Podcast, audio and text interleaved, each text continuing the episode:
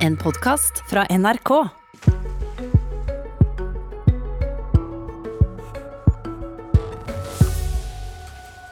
Nå skal vi snakke om eh, arkitektur. Kulturreporter Oda Elise Svelstad, du er i ferd med å sette deg. Du skal fortelle om eh, at eh, det norske arkitekt- og designkontoret Snøhetta har vunnet en gjev internasjonal arkitektkonkurranse i Sør-Korea. Ja, Snøhetta, sammen med den lokale partneren eh, Tomun Arkitektur, har vunnet konkurranse om å tegne det nye rådhuset i byen eh, Changyu. Ifølge pressemeldinga er eh, filosofien, eller tanken bak det nye bygget, å skape et landemerke og et symbol for integrering, og legge til rette for samarbeid og sosial interaksjon. Hvordan skal dette bygget se ut? Eh, rådhuset som er der nå, består av kontor som er spredd rundt omkring, så målet med det nye rådhuset er å forene eller samle eh, disse kontorene eh, under ett tak for å skape en helhetlig plass. Taket skal bli forma som ei kurve, som en referanse til de tradisjonelle takene i Korea. I tillegg skal det være solcellepanel på taket. Og selve utsjånaden kan beskrives som eh, jordnær og organisk, altså det er nytta naturelement, som til dømes trepanel, som gjør at det får en naturlignende stil, for å eh, si det enkelt. Mm. Mange kjenner jo til Seoul, hovedstaden i Sør-Korea, men hva slags by er Changju? Changju ligger 128 km utenfor eh, Seoul. og er hovedstaden og den største provinsen Eller er hovedstaden og den største byen i provinsen Chongchong. Eh, byen opplever for tida stor økonomisk vekst, eh, der hovedindustriene spenner fra jordbruk eh, til avansert trykk og håndverk. Og byen den, har, den er middels stor og har 800 000 innbyggere. Snøhetta har jo vært et ledende internasjonalt arkitektfirma lenge.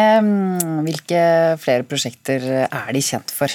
Ja, De har jo tegna bygninger rundt om i hele verden, bl.a. operahuset i Bjørvika her i Oslo, som mange kjenner til.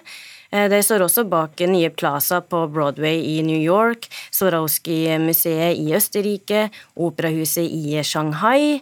Eh, det har mange prosjekt om gangen, og bl.a. jobber de nå med å ferdigstille det nye hovedkvarteret for storavisa Le Monde i Paris og Connell Cornell University i New York. Takk, kulturreporter Oda Elise Svelstad. Tallenes tale er klar. Gutter leser mindre enn jenter. Men kanskje leser de noe annet? enn det lærere og foreldre vil prakke på dem.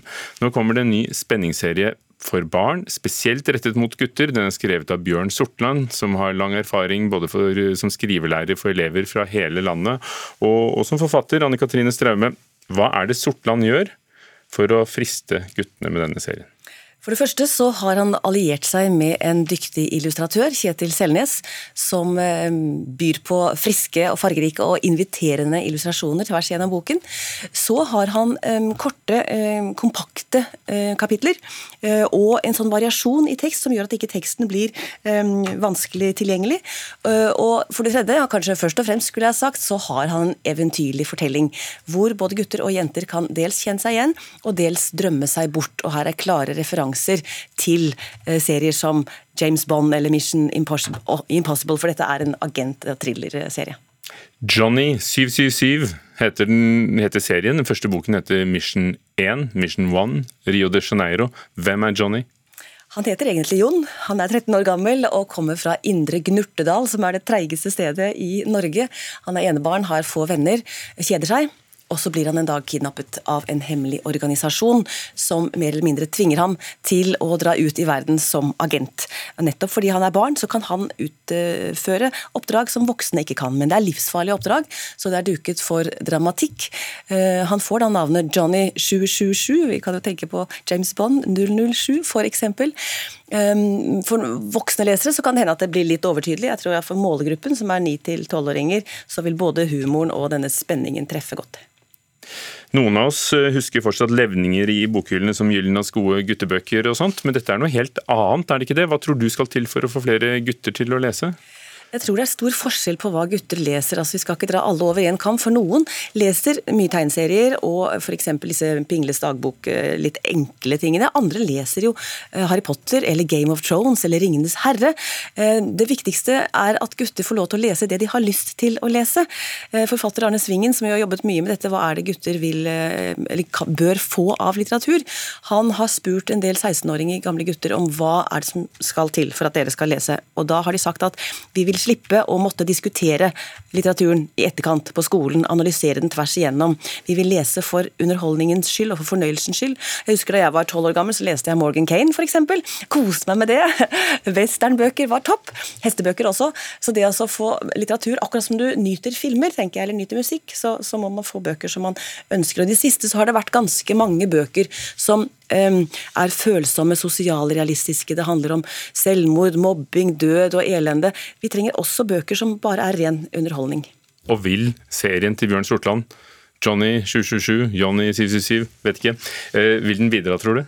Det tror jeg absolutt. Han har jo lagt noen rammer for seg selv med at man kan gå ut i verden, det kan bli dramatiske reiser.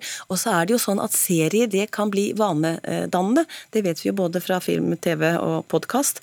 Og så ligger det en del mysterier her som leserne også blir invitert med på å løse underveis. Så her er det duket for, for eh, effektiv underholdning og leseglede, tror jeg. Takk skal du ha. Anne Katrine Straume, som hadde lest uh, første bind, uh, Mission One Rio de Janeiro. Bind to er rundt hjørnet, og på nettsidene våre så er det flere tips for uh, lesing for, for gutter og, og, alle kjønn, egentlig.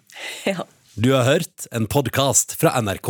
Hør flere podkaster og din favorittkanal i appen NRK Radio.